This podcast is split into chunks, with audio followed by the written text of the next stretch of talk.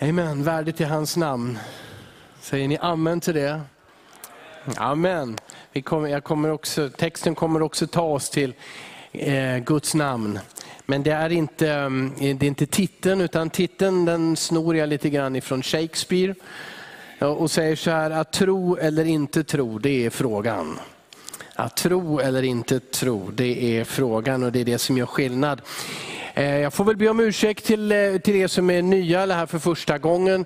Sedan en längre tid tillbaka så predikar jag ur Markus evangeliet. Eh, nu var det ett par månader sedan vi haft andra predikningar och gäster och hela teamet som predikar. Men nu tänker jag återvända till Markus evangeliets 14 kapitel från vers 43 och framåt. Och det här är mitt sätt att predika. Då kan jag inte undvika en enda obekväm bibelvers. Och då kanske du säger, ja det är precis. För nu har vi hamnat vid Judas idag. Eh, Judas, förrädaren, Judas eh, Iskariot. Eh, nu tänker jag läsa då Markus 14, 43-52. Och det är berättelsen om när Jesus fängslades. Och det här är en, ja men tar vi handuppräckning, hur många har hört det predikas ifrån den här texten när Jesus fängslas? Ja, Patrik har gjort det, bra. var det i Sverige? Det kommer du inte ihåg. För Patrik är ju i Kina och han är lite överallt så att säga på jorden. Eh, nej, men det är ju en text som vi alla känner igen. Eh, eftersom den här berättelsen finns ju i alla fyra evangelierna i någon form. Eh, och vi läser, går du i kyrkan till påsk, och det hoppas jag att du gör, större än så går det väl inte på det sättet. Jesus dog och uppstod till påsk. Och då läser vi ju alltid de här texterna. Men idag tänkte jag ge mig på då att predika från Markus 14. Jag läser vers 43 och framåt. Medan han ännu talade kom Judas, en av de tolv. Och med honom en folkhop med svärd och påkar från översteprästerna och de skriftlärda och de äldste. Förrädaren hade avtalat ett tecken med dem och sagt, den jag kysser är det, grip honom och för bort honom under säker bevakning. När Judas kom gick han genast fram till Jesus och sa, Rabbi, och kysste honom. Då grep de Jesus och höll fast honom. Men en av dem som stod bredvid drog sitt svärd och slog till mot översteprästens tjänare och högg av honom örat. Och Jesus sa till dem, som mot en rövare har ni gått ut med svärd och påkar för att gripa mig. Jag har varit hos er i templet varje dag och undervisat utan att ni grep mig. Men skrifterna måste uppfyllas. Då övergav alla honom och flydde. En ung man klädd i ett linneskynke över bara kroppen följde efter Jesus. Honom grep de tag i, men han lämnade lin linneskynket kvar och flydde, flydde därifrån naken. Vad ska vi säga om detta? Det är bäst vi ber.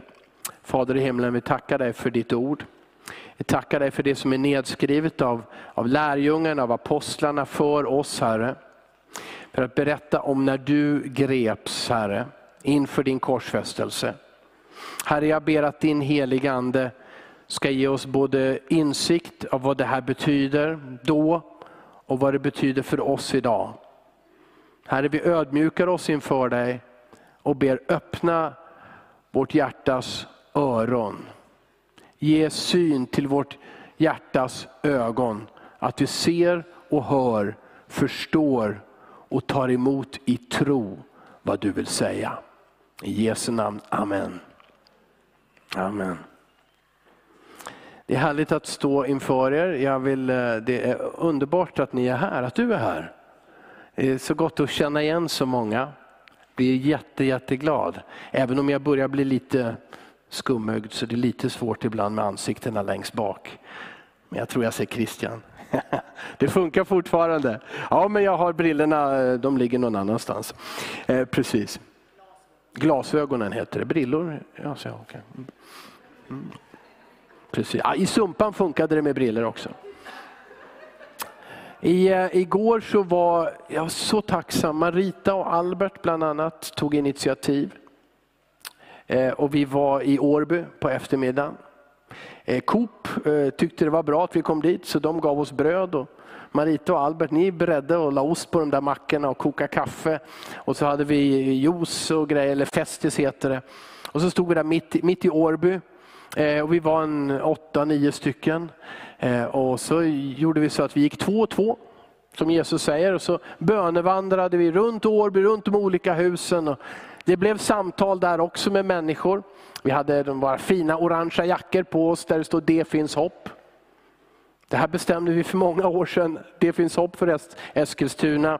Och jag pratade med ett par, de jobbar på en av de stora affärerna i stan. Vi kände igen dem. Och de hade absolut inget hopp. De har inget hopp. Människor vill flytta. Människor vill stanna inne. Eh, skydda sig. Det finns inte hopp på det sättet, men du och jag har tagit emot en berättelse om Jesus. och, och det, det, står i Hebreerbrevets slut här, jag ska komma till predikan också, men i Hebreerbrevets slut så står det, låt oss hålla fast vid hoppets bekännelse. Ska du bekänna? Det finns hopp. Om du tänker på dig själv, eller på arbetet, familjen, relationen, ekonomin, Eskilstuna, skjutningar, våld. Nu säger vi, det finns hopp.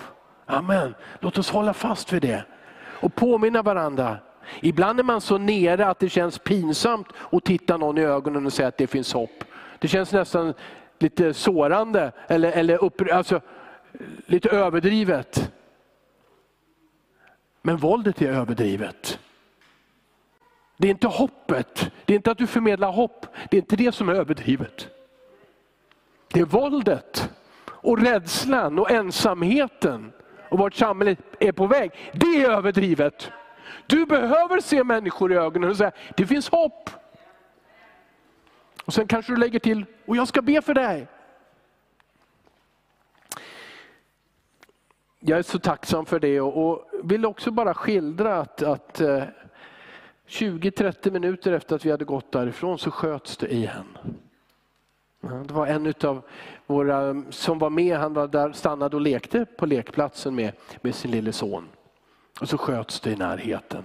Inte på dem, men in i en, en portdörr som ni säkert har sett i tidningarna. Men skott jagar in rädsla. Så vi behöver hålla fast vid hoppets bekännelse. Vi behöver be för vår stad och vi behöver vara Jesu utsträckta händer, du och jag. På olika sätt. Vi ska dit igen om två veckor har vi sagt. Eftersom vi ju även är i Nyfors, där det också sköts igår, men vid andra tillfällen. Och vi har på hjärtat och i våra böner att vi ska finnas på olika sätt i många bostadsområden. Det här är tiden, ja, nu går jag, lämnar jag predikan i alla fall, men det här är tiden att du bjuder hem några till dig och säger, kan vi träffas och be hemma hos mig regelbundet? Jag vill både för vänskapen och gemenskapen, för att ha någon att läsa Bibeln med, men också för att be för mina grannar och mitt bostadsområde. Det här är tiden att öppna hemmen. Det här är inte tiden att stänga dörren och låsa den ännu hårdare. Förlåt, jag, jag kommer till predikan. Men Jesus, han gjorde massor med saker i hemmen. Han hälsade på, han helade sjuka, han åt med människor. Han var i huset, i hemmen. Och vi vet alla att det här var en annan kultur än den som vi har eh, idag i Sverige 2000 år senare. Men jag tror att Jesus kallar det också till en motkultur. Att öppna din dörr och därmed ditt hjärta. Eller hur? Jag tänker inte ta handuppräckning på hur många som har blivit hembjuden till någon det senaste året. Men låt oss inte tänka på de som inte bjöd in oss, utan låt oss vara de som bjuder in. Låt oss vara de som ber, som bryr sig, som älskar. Ja. Det är det här som händer med Jesus. För jag, jag, måste, jag får ju inte undvika den här texten nu. Det här som hände till Jesus, då, är det, då berättas det i början på Markus 14, att översteprästerna, de religiösa ledarna, de hatar Jesus och de ville gripa honom. De letade efter ett tillfälle att göra det. Och så i mitten på kapitlet i vers 11 så står det att Judas blev deras verktyg. Han gick till dem och sa, vad ger ni mig om jag ger er Jesus? Om jag förråder honom. Det står i ett annat evangelium att de erbjöd honom 30 silverpengar. Som någon kommentator säger är priset för en slav på dåtidens marknad. Sen berättas det i det här kapitlet att Jesus tog dem till det som kallas för det övre rummet. Det var en plats som ingen kände till innan. Det är den här speciella berättelsen när han skickar in två lärjungar i stan och titta efter en man som har en kruka på huvudet och följ efter honom. Ja, och så gjorde de det. Jag tror att han medvetet valde en plats som ingen kände till. Han ville vara ensam med de tolv för att fira påskalammet och för att instifta eller grunda den här måltiden som vi kallar nattvard. Och, och, så, och så säger han där, en av er ska förråda mig och alla frågar, är det jag, är det jag, är det jag? Och Petrus säger, aldrig i livet ska jag förråda dig Jesus. Och de andra håller ju med, nej det ska vi inte göra, vi ska inte svika dig, vi ska inte förråda dig, vi ska inte lämna dig. Jesus tar med dem till Getsemane. Det var däremot en trakt, och det står i Lukas, dit brukade Jesus gå. Och det visste också Judas. Och då tog han med sig soldaterna för att gripa Jesus. Då visste han, nu har tillfället kommit. Nu kan det ske mitt i natten, i tystnad, i hemlighet. Jag vill läsa, eh, läsa in de här texterna ifrån de andra evangelierna, för de kompletterar alla varandra. Och jag tror att när jag läste var det en och annan som saknade någonting. Ja men stod det inte så där också? Jo då, det är Matteus, eller Lukas eller Johannes som berättar det. Men Markus han börjar som vanligt, han börjar med det står här medan eh, Jesus talade, men egentligen så står det genast. Det här ordet som finns 48 gånger hos Markus. Markus har alltid väldigt bråttom när han berättar. Och så gjorde Jesus det och så genast hände det. Och så genast, eller medan han ännu talade, så kom Judas, en av de tolv. Och det här låter väl fint? Det här uttrycket, en av de tolv, finns nio gånger i evangelierna. Åtta gånger används det för Judas. En gång för Thomas, en av de tolv, han var inte med när Jesus visade sig.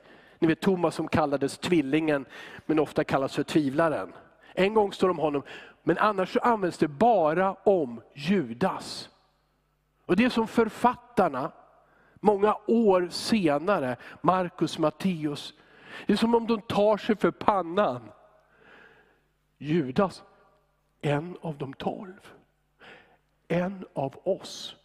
Fattar du det? Nej, säger Matteus. Inte Markus och Johannes och Lukas. Hur kunde han, som gick med Jesus i tre år, som levde lyssnade på honom på dagarna, sov på samma ställe som Jesus i tre år. Han som, han som såg vad Jesus gjorde, han som hörde varenda underbart ord. Han som själv sändes ut med oss när vi skulle predika i byarna och berätta att Jesus kom. Han som var med när vi la händerna på de sjuka, så demoner flög ut och människor blev helade. Hur kunde en av de tolv vara den som förrådde Jesus. Jag tror att det, det skakar till i deras inre och därför så finns det bara på Judas den här benämningen, en av de tolv. Och med honom kom en folkhop, står det. Matteus skriver en stor folkhop. Johannes använder andra ord ska inte göra för mycket av det, men han använder ordet vaktstyrka, står det. Och använder ett ord som heter spejra. Och en spejra var en romersk enhet, en tiondel stor av en legion. En legion var 6000 soldater. En spejra var, det vill säga 600 soldater. Och även ordet för befälhavare här är romerskt. Vi vet att det står att tempelsoldaterna, tempelvakten kom dit. Men möjligtvis så är det så att även romerska soldater var med i en oerhört stor mängd. Det var som att ha en sån här militär operation. Som man inte vill kalla krig. Men man skickar hundratals ändå för att ta en man som har stått dag efter dag i templet och predikat och sagt och berättat och argumenterat och helat de sjuka. Dag efter dag hade de kunnat ta honom. Men när de är ute på natten och för att utföra mörkrets gärningar, då har de med sig massor av soldater och vapen. Det står med svärd och påkar från översteprästerna och de skriftlärda och de äldste. Och Markus kallar Judas här förrädaren. Förrädaren hade avtalat ett tecken. Varför gjorde han det? Jag tror att det var för att det var mörkt helt enkelt. Jesus var lätt att känna igen dagtid. Alla visste vem Jesus var i Jerusalem. Soldaterna hade ju till och med en gång varit där för att gripa honom. De blev ju skickade men återvände och sa, ingen har talat som han. De visste vem han var. Men det var mörkt. Så Judas kommer överens med dem om ett tecken. Och säger, den jag kysser är det, grip honom, för bort honom under säker bevakning. När Judas kom gick han genast fram till Jesus och sa, Rabbi, och kysste honom. Att kyssa i den kulturen, en slav kunde kyssa sin herres fötter. Man hälsar på en vän med en kyss på kinden. Det var en vänskap. Men här står det, ordet, det grekiska ordet är att han, han kysste honom mycket. Han kysste honom intensivt. För att ge sken av, som om Jesus inte skulle ha vetat, att jag är din bästa vän Jesus. Puss, puss, puss, puss, puss. Och det är tecknet för soldaterna att gripa honom. Jesus säger enligt eh, Lukas evangeliet, förråder du människosonen med en kyss. Jesus visste om att Judas skulle förråda honom. Men jag tror att till och med Jesus, Guds son men också människa, var förvånad över sättet hur lågt kan du falla? Att du kysser mig som den bästa av vänner för att sen låta mig gripas och föras bort. Det här är en, det är en tung berättelse. Johannes, Johannes evangeliet. Han bygger, han bygger upp sitt evangelium annorlunda än de andra tre. Matteus, Markus och Lukas, de skriver ofta rätt lika varandra. Matteus han hade ett annat sätt när han ville presentera Jesus. Och Han berättar inte om kyssen, utan han betonar Jesu gudomlighet. Det står så här i Johannes 18. Jesus som visste om allt som skulle hända honom, gick ut och frågade dem, vem söker ni? De svarade Jesus från Nasaret. Han sa till dem, jag är. Även Judas, han som förrådde honom, stod bland dem. När Jesus sa till dem, jag är, ryggade de tillbaka och föll till marken. Än en gång frågade han dem, vem söker ni? De sa, Jesus från Nasaret. Och Jesus svarade, jag har sagt er att det är jag. Om det är mig ni söker, så låt de andra gå. Ordet som han hade sagt skulle nämligen gå i uppfyllelse. Av dem du har gett mig har jag inte förlorat en enda. Jesus säger jag är. Och det är samma uttryck, det är samma namn som Mose får utav Gud. När Gud kallar Mose vid den brinnande busken. Jag är. Det här är en, en lek med ord, för i princip så säger Jesus, det är jag eller jag är här. Men ergo, e-, ego emi på, på grekiska betyder precis det, jag är. Och det, det är så här med Johannes evangeliet och har du inte läst det på länge så gå hem och läs det. För, för Johannes, när han skriver och, och sammanfattar, eller lägger samman Jesu berättelse, så väljer han ut sju stycken under. Och så väljer han ut och låter Jesus sju gånger säga, jag är, den första gången säger jag är livets bröd. Den andra gången säger jag är världens ljus. Den tredje gången säger han, jag är dörren och den som går in genom mig ska bli frälst. Han säger, jag är den gode herden. Jag är uppståndelsen och livet. Han säger, jag är vägen, sanningen och livet. Och han säger också, jag är den sanna vinstocken. Den som förblir i mig, i honom förblir också jag. Och det här säger Jesus också i de andra evangelierna, men det är en systematisk presentation i Johannes evangeliet. Och här, när de kommer för att gripa honom, så säger han, jag är. Och vad händer med soldaterna? Om de var 20 eller om de var 200. Alla faller till marken. Oförklarligt. När de har rest sig igen så frågar Jesus, vem var det ni sökte? Och någon vågar att säga det än Jesus från Nasaret. Och den här gången faller de inte till marken och säger, jag har ju sagt att det är jag. Och han låter sig gripas.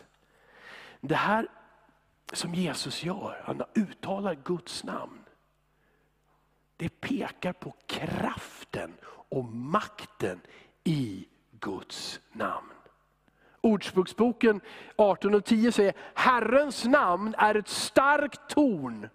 Den rättfärdige skyndar dit och får skydd. Det är Herrens namn som har makt. Men han lät sig gripas. Det så att de grep Jesus och höll fast honom. Och Johannes lägger till, de band honom. De vred upp hans arm på ryggen mellan skulderna och band honom. Så skriver Lukas så här, för han lägger också till, när de som stod runt Jesus såg vad som höll på att hända, frågade de, Herre ska vi slå till med svärd? Men, eh, och så står, säger han så här, men Jesus sa, låt det vara nog nu. Nej, nu ska vi se, nu hoppade jag över. En av dem som stod bredvid, och Johannes säger det är Petrus, drog sitt svärd och slog till mot översteprästens tjänare, han hette Malkus, berättar Johannes, och högg av honom örat. Om man hugger av någon örat, då tror jag att man har siktat på huvudet. Men det blev bara örat. Men det finns också regler för den som tjänade i templet, och det här var en av tjänarna. Det fick inte finnas lytta eller handikappade som arbetade i templet, det var en regel. Men vad händer sen? Jesus sa, låt det vara nog nu. Han rörde vid hans öra och helade honom. Vem säger det? Det är naturligtvis Lukas läkaren som lägger till det. Jesus helade honom. Då sa Jesus till honom, sätt tillbaka ditt svärd i skidan. Alla som tar till svärd ska dödas med svärd. Eller tror du inte att jag kan be min far att han genast sänder mig mer än tolv legioner änglar? Men hur skulle då skrifterna uppfyllas som säger att det här måste ske? Så om de nu kom med en tiondels legion av soldater, säger Jesus på en gång, kan jag ha 12 miljoner ängl, 12, 12 legioner, förlåt, legioner änglar här i denna stund. Jesus gav sig själv frivilligt. Det var hans beslut. Och det var Faderns vilja. Han blev inte tagen. Han blev inte överraskad av Judas, den romerska makten eller mänsklighetens ondhet. Han visste vad han gjorde. Han gav sig själv för oss. Jesus sa till dem, som mot en rövare har ni gått ut med svärd och påkar. Och Lukas lägger till, men detta är er stund. Nu råder mörkrets makt, skriver Lukas. Då övergav alla honom och flydde och en ung man klädd i ett linneskynke över bara kroppen följde efter Jesus. Honom grep de tag i, men han lämnade linneskynket kvar och flydde därifrån naken. Vad är det här? Ja, alla flydde och den sista som sprang iväg, han sprang naken. Så bråttom hade de, så rädda var de. Linneskynke lär ha varit en slags underklädnad. Normalt sett hade man en mantel över. Kanske var det så att i huset intill hade den här unge mannen hört soldater, det händer någonting. Sprungit ut i nattskjortan. Och sen blev även han rädd, för även han blev anklagad. Och så sprang han iväg naken. Kommer tillbaka till det senare, men det vi kan säga är, det viktiga är, Jesus blev övergiven av alla. Ingen enda stannade för att försvara honom. Nu ska jag ge er några punkter ur det här. Är ni fortfarande med?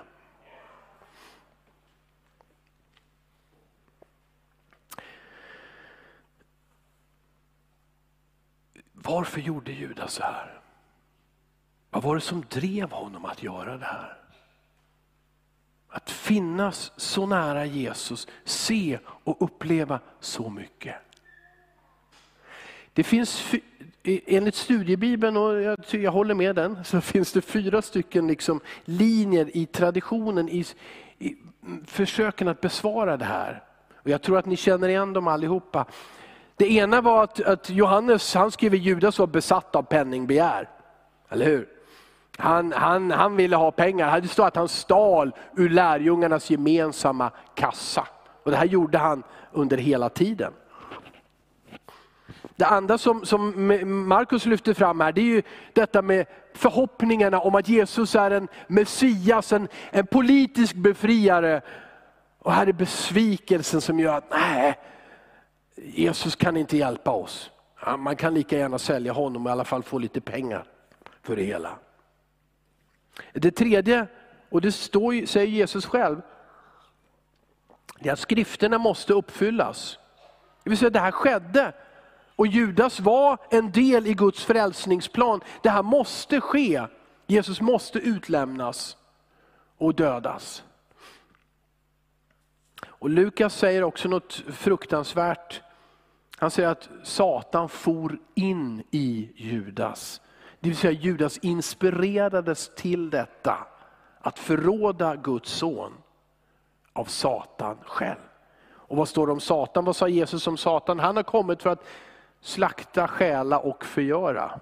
Aha, han var i sitt esse här Satan, när han tog över denna kille och fick honom att förråda Jesus. Men jag vill säga någonting utöver dessa fyra. Jag vill säga så här, Judas trodde aldrig på Jesus. Han hörde honom, han såg honom. Han såg, upplevde till och med saker i sitt eget liv. Men han trodde aldrig att Jesus var Guds son och världens frälsare. Vad menar jag? Han tog inte det beslut som varje enskild människa måste fatta. Vad gör jag med denne Jesus? Vad gör jag med den som säger att han är Guds son, som har kommit för att frälsa varje människa? Och Judas tog inte det beslutet. Han sköt det framför sig eller han lät tvivlen dominera hans tankar.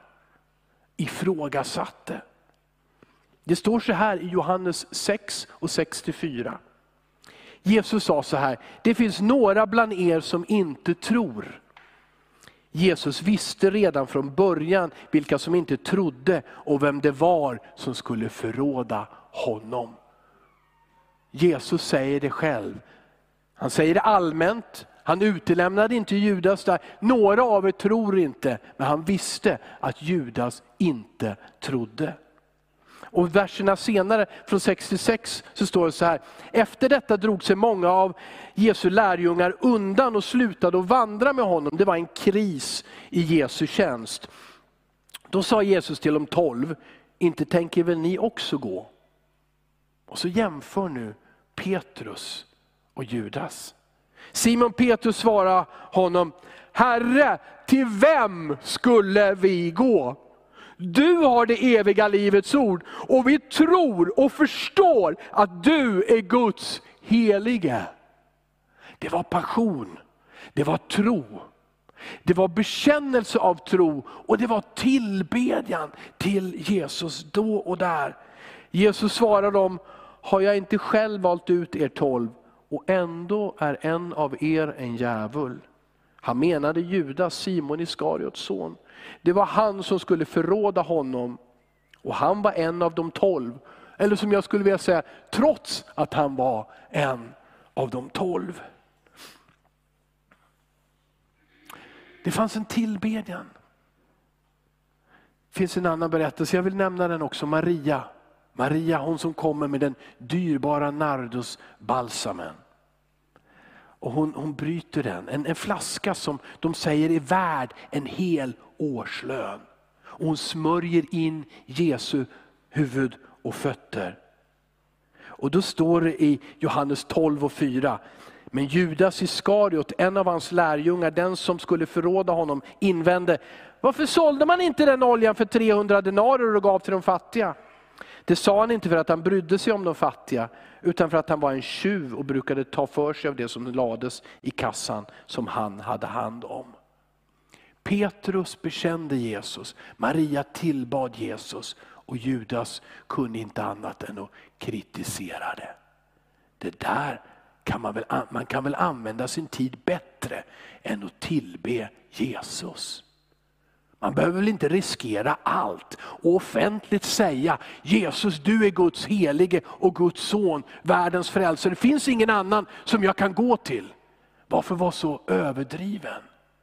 Det, en sån dyr nardusflaska, ge Jesus lite olja men inte en hel årslön. Vad onödigt! Kritiken kommer ur det hjärta som inte tror. Ingen av oss kan förbli neutral när vi en gång har hört evangeliet. När vi en gång har hört om Jesus och kallelsen att tro på honom. Det förblir inte neutralt om vi skjuter det framför oss, om vi skjuter bort det, om vi tillåter de andra tvivlen komma. Så vi kommer inte till detta beslut. Jesus, jag litar på dig för allt. Och för Judas så tog det en fruktansvärd riktning. Istället för att tro på Jesus så förrådde han Jesus. Andra Korinthierbrevet 4 och 4 så skriver Paulus så här, den här världens Gud, och då talar han om djävulen. Den här världens Gud har förblindat de otroendes sinnen så att de inte ser ljuset som strålar från evangeliet om Kristi härlek, han som är Guds avbild. När vi väljer att inte tro blir vi förblindade. Vi leker ibland med synden. Det är inte så farligt. Och jag kan alltid be om förlåtelse, eller hur? Och Gud är god och hans, hans nåd är så stor och hans kärlek är så villkorslös. Och det gör, alltså, alla andra är så rika och jag har så lite så det gör väl inte om jag tar någonting för mig. Men otro, steg av att inte lita på Gud, för i det här fallet är det ju så här, att Jesus har sagt, och hela Bibeln säger att Gud bryr sig om den föräldralösa. Han bryr sig om änkan. Det vill ta, han tar exempel på de absolut fattigaste och mest utsatta i det dåtida samhället. Barn utan föräldrar och en kvinna i hög ålder som inte har en man och kanske inga barn. Men Gud ser till dem och utmaningen för dig och mig är att välja att lita på hans ord. Att inte på egen hand roffa åt oss. För det är inte bara stölden i sig, utan det är vad det gör med ditt hjärta och med din tro. Och är vi inte uppmärksamma så hamnar vi i den situationen att vi inte ens har en aning om längre att vi syndar och väljer att leva i synden. För otron förblindar oss. Ja, det är Guds ord. Men tack. Ja, Jesus, eh, Judas gjorde under. Jag tror det. Det finns ingenting som exkluderar sig att han inte gjorde under. Däremot så vet jag att Jesus säger så här i Matteus 7 och 21. Inte alla som säger Herre, Herre, till mig ska komma in i himmelriket, utan den som gör min himmelske faders vilja. Många ska säga till mig på den dagen, Herre, Herre, har vi inte profeterat med ditt namn och drivit ut onda andar med ditt namn och gjort många kraftgärningar med ditt namn? Men då ska jag säga dem sanningen, jag har aldrig känt er. Gå bort från mig ni förbrytare. Det finns bara en väg till Gud och det är att tro på Jesus. Alltså inte ens om du har kastat ut demoner och gjort mirakel i Herrens namn. Inte ens då ska du vara frälst. Det finns inget löfte som bygger på att dina och mina gärningar och vår godhet och fromhet kan skaffa oss en plats i himlen. Det finns bara ett och det är att tro. Tänk att Gud är så god att han har plockat bort allt det där andra som vi känner att vi behöver. Allra bäst så borde jag vara, en, om vi tar utifrån Bibeln, då, så borde jag vara jude. Och alla mina förfäder borde vara judar. Det vore väl bra? Inte en svensk eller någon annan hedning. Allra bäst så borde jag vara en man, en judisk man. Jag borde inte vara för ung. Jag borde vara rätt så gammal. Och jag skulle göra allting rätt. Och det fanns tydliga regler för det här är rätt och det här är fel. Och jag följer det svartvitt och det funkar. Det vore bäst. Eller? Men allt det där som dödar oss och dödar livet. Som gör att du säger, ja, men jag, är, jag är barn, jag är kvinna, jag är invandrare, jag har ingen kunskap, eh, jag har, jag har knappt gått till skolan, jag vet inte, jag förstår inte så mycket, jag kan inte Bibeln lika bra som pastorn, jag kan aldrig bli frälst. Allt det där har Gud plockat bort för han älskar dig och mig. Och så har han sagt, min egen son, min son, han ska dö på ett kors för dig. Han ska dö på ett kors för dig, så att du bara behöver säga ja Jesus. Det är det här som är nåden. För det där priset, det kan inte du och jag betala. Har du försökt, många av er har försökt, att rena samvetet och få, få bra tankar om sig själv och bra tankar om alla andra. Titta till spegeln och peppat dig själv. Många av oss har försökt på så många sätt. Jag börjar om, jag ska sluta ljuga. Och så ljög jag en gång till för att skydda den första lögnen. Vi fixar och donar och ska presentera oss för Gud och han säger, glöm allt det där. Det finns en väg, det finns en sanning, det finns en väg till livet. Han heter Jesus Kristus. Amen. Därför finns det hopp. Därför kan du i alla lägen säga till andra människor, så, det finns hopp. Ja, men vad, du var check då. Nej men det finns hopp.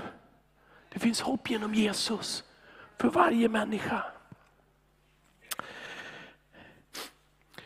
Som sagt var, får väl upprepa det.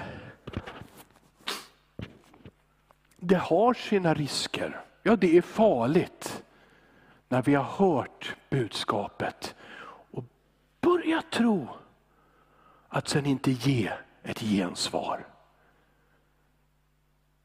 Det är så. Det är farligt att skjuta det på framtiden. Jag ska bli frälst när jag är gammal, så jag kommer till himlen. Du vet, helst sista dagen. Så jag kan leva livet och göra allt jag vill. Sen ska jag säga, Gud, Förlåt mig för hela livet. Alltså, det är så lätt att tänka sådana här tankar, ja, men det, eller det är för jobbigt. Jag vill inte vara ensam i min familj och tro på Jesus. Nej, nej, det, nej det, det, den vägen tänker jag inte gå. Vi kan hitta på så många ursäkter att fördröja, att vänta. Men när du har hört budskapet och du tittar på vad som hände med Judas och läser Bibelns ord så förstår du, det här är allvarligt. Till avslutning. Vi lämnar Judas, vi går till lärjungarna och vi går till den nakne mannen. Okej? Okay? Jesus sa be. Vad gjorde lärjungarna? De sov. Det står så här i, i, vers 37, eller hur? Han tog med sig Petrus, Jakob och Johannes. Han greps av bävan och ångest. Varför? För att han skulle dö för alla människor. Han sa till dem, min själ är djupt bedrövad ända till döds, stanna här och vaka.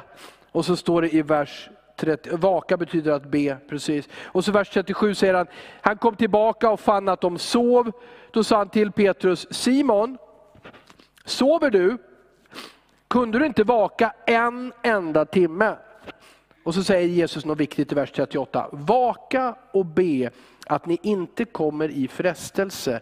Anden är villig men köttet är svagt. Och när Jesus sa till lärjungarna, ni kommer att överge mig, så sa Petrus, för han, det, han var villig, jag kommer aldrig att överge dig. Och då sa Jesus, men det kommer frestelser. Så nu ska du be Petrus. Nu ska ni be. Hjälp mig att be, för jag har ångest och vad som väntar er, det blir också tufft.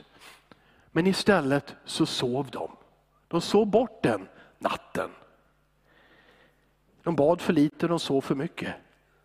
Det räcker inte att önska. Ja, jag, jag, jag ska börja be Jesus, jag ska börja läsa Bibeln. Eh, det är inte så här att det är tanken som räknas. Ja, det, det är inte så, inte i det här fallet. Det är inte den goda tanken. Någon gång ska jag börja läsa Bibeln och någon gång ska jag be. Någon gång ska jag berätta för någon människa om Jesus, men helst någon som redan är frälst. Så det inte blir en pinsam situation. Någon gång ska jag, ska jag säga i församlingen, men jag, jag har ju faktiskt tid och kraft och uh, jag, kan göra, jag kan hjälpa till. Det, det, det hjälper inte att skjuta fram det och säga någon gång. Utan Jesus han kallar dig här och nu att tro på honom, att ta emot honom, att leva för honom, att tillbe honom, att tjäna honom. Amen. Den unge nakne mannen, det blir avslutningen. Det känns som om vi är i Sverige, eller hur? I Sverige, det här med nakenhet är ju väldigt sådär, jag är naken och jag är jättestolt över det. Jag skäms inte för någon, eller hur? Det är ju en äkta svensk, är ju sån, eller hur? Det har vi fått lära oss över några årtionden, eller kanske mycket längre, jag vet inte. Om du går till Bibeln så är nakenhet från början till slut någonting skamligt. Ja, nej, okej, okay. inte i skapelsens ögonblick. Inte i skapelsens ögonblick. För då var det liksom ingen fråga. Det var ingen som, alltså Adam frågade aldrig Eva, är du naken idag? Det var liksom, de, de gick där i paradiset. Men sen, när synden kom in, behövde inte Gud säga någonting. De bara stack och gömde sig på en gång. Varför gömmer ni er, säger Gud. Vad håller ni på med? Vi är nakna. Så hörde vi att du kom, då skämdes vi. Nakenhet i Bibeln, i Bibelns språkbruk, i Bibelns kultur är någonting skamligt. Och det här har du ända in i, i Uppenbarelseboken. Eh, varför? Varför, varför, varför är det här med överhuvudtaget? Det är, så kon, det är så konstigt att den här versen är med, eller hur? Och det finns ju en möjlig förklaring. Kanske var det Markus, författaren, som ville utlämna sig själv. Det kanske var han. Men det finns inga bevis för det. Varför? Jag tror att även det är en bild för vad Jesus skulle göra. För på korset så dog han för vår skam. Det där som vi i vårt samhälle försöker att utplåna, att ingen ska känna skam. Vi ska inte ha hederskultur och ingen skam. Men vi blir inte av med det. Vi blir inte av med synden och vi blir inte av med känslan av synd och misslyckande, skam. Men Jesus, han bar allt. Och även han hängde naken. Och blev dessutom utskrattad i sin nakenhet på korset och hånad för att befria dig och mig ifrån allt det. All den rädsla som du och jag kan ha av att bli blottställda, avslöjade, tagna på bar gärning. Allt det gjorde han frivilligt. Alla såg, alla skrattade, resten svek. Han hängde ensam för dig och mig. För att bryta syndens makt över oss och ta bort skammen och säga du är förlåten. Du är ren. Du duger för att Jesus har gett dig, vad då? Han har gett dig nya kläder. Låt mig läsa till avslutning Först ett, ett jobbigt ord och sen ett härligt ord. Jesaja 64, vers 6 säger så här. Vi är alla orena. Alla våra rättfärdiga gärningar är som en fläckad dräkt. Där skriver Jesaja sanningen. Han skriver inte att våra eh, orättfärdiga gärningar är smuts. utan han säger inte ens våra rättfärdiga gärningar duger till. De är som en fläckad dräkt. Det är smutsigt. Men Jesus tog all smuts, alla fläckar, all synd, all skam på korset för dig och mig. Vi borde titta och se oss i spegeln varenda dag och säga, vad vacker du är! Från insidan ut. Halleluja! Gud har skapat mig, han har skapat dig där i spegeln. Det är en sån nåd hur Gud ser på dig och mig. Men det är inte roligt att till och med våra bra gärningar, säger han, det duger inte. Det är som en fläckad dräkt. Petrus bekännelse dög inte. Petrus, att han tog svärdet i handen och försökte klyva gubbens huvud, det dög inte. Det är inte ditt försvar som jag behöver Petrus. Jag behöver din tro. Behöver jag hjälp, då hämtar jag änglarna. Men från dig Petrus vill jag ha tro i ditt hjärta. Och kärlek. Och då står det i Jesaja 61 och 10. Jag gläder mig stort i Herren min själ fröjdar sig i min Gud, för han har klätt mig i frälsningens klädnad och svept in mig i rättfärdighetens mantel. Han som, som hängde naken på korset, han gjorde någonting med sina kläder, han gav dem till dig och till dig och till mig. Han sa, ta av dig dina fläckiga kläder och låt mig klä dig. Och Det betyder att när du kommer till Fadern i tro, i bön, då ser han samma sak som han ser hos Jesus. Du är mitt rättfärdiga barn. Du är ren, du är förlåten. Berätta vad du vill och jag ska lyssna. Så ser han på dig. Amen. Så låt oss hålla fast vid hoppets bekännelse i alla tider, vad som än händer. Och låt oss öppna våra hjärtan i tro. Jag kan inte öppna det åt dig, ingen annan kan göra det. Bara du kan säga, välkommen Jesus.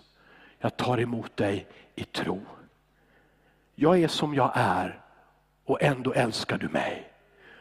Jag tar emot dig som du är, den som har dött för mig för att rena och förlåta mig. Kom in i mitt hjärta Jesus.